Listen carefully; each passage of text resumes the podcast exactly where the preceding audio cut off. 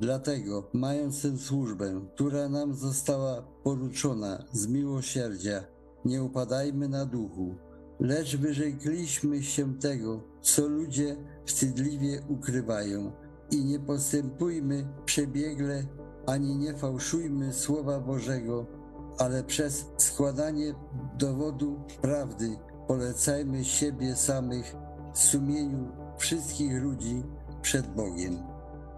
A jeśli nawet Ewangelia nasza jest zasłonięta, zasłonięta jest dla tych, którzy giną.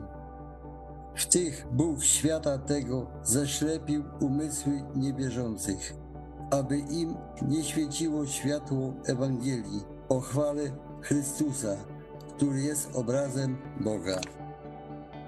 On jest obrazem Boga niewidzialnego, pierworodnym wszelkiego stworzenia, ponieważ w nim zostało stworzone wszystko, co jest na niebie i na ziemi, rzeczy widzialne i niewidzialne, czy to trony, czy panowania, czy nadziemskie władze, czy zwierzchności. Wszystko przez Niego i dla Niego zostało stworzone. On też jest przed wszystkimi rzeczami i wszystko na nim jest ugruntowane. On także jest głową ciała Kościoła. On jest początkiem pierworodnym z umarłych, aby we wszystkim był pierwszym.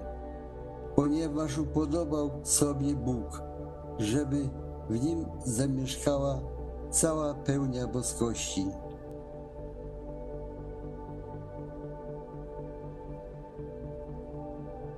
Niech usta moje głoszą chwałę Pana i niech wszelkie ciało błogosławi imię Jego święte na wieki wieków.